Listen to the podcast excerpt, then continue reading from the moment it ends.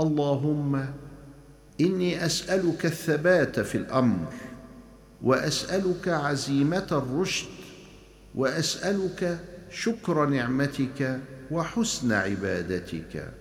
اللهم نسألك بأسمائك الحسنى وصفاتك العلى إلا أجبت دعوتنا وقضيت حاجتنا وكشفت عن بصيرتنا. اللهم آمين.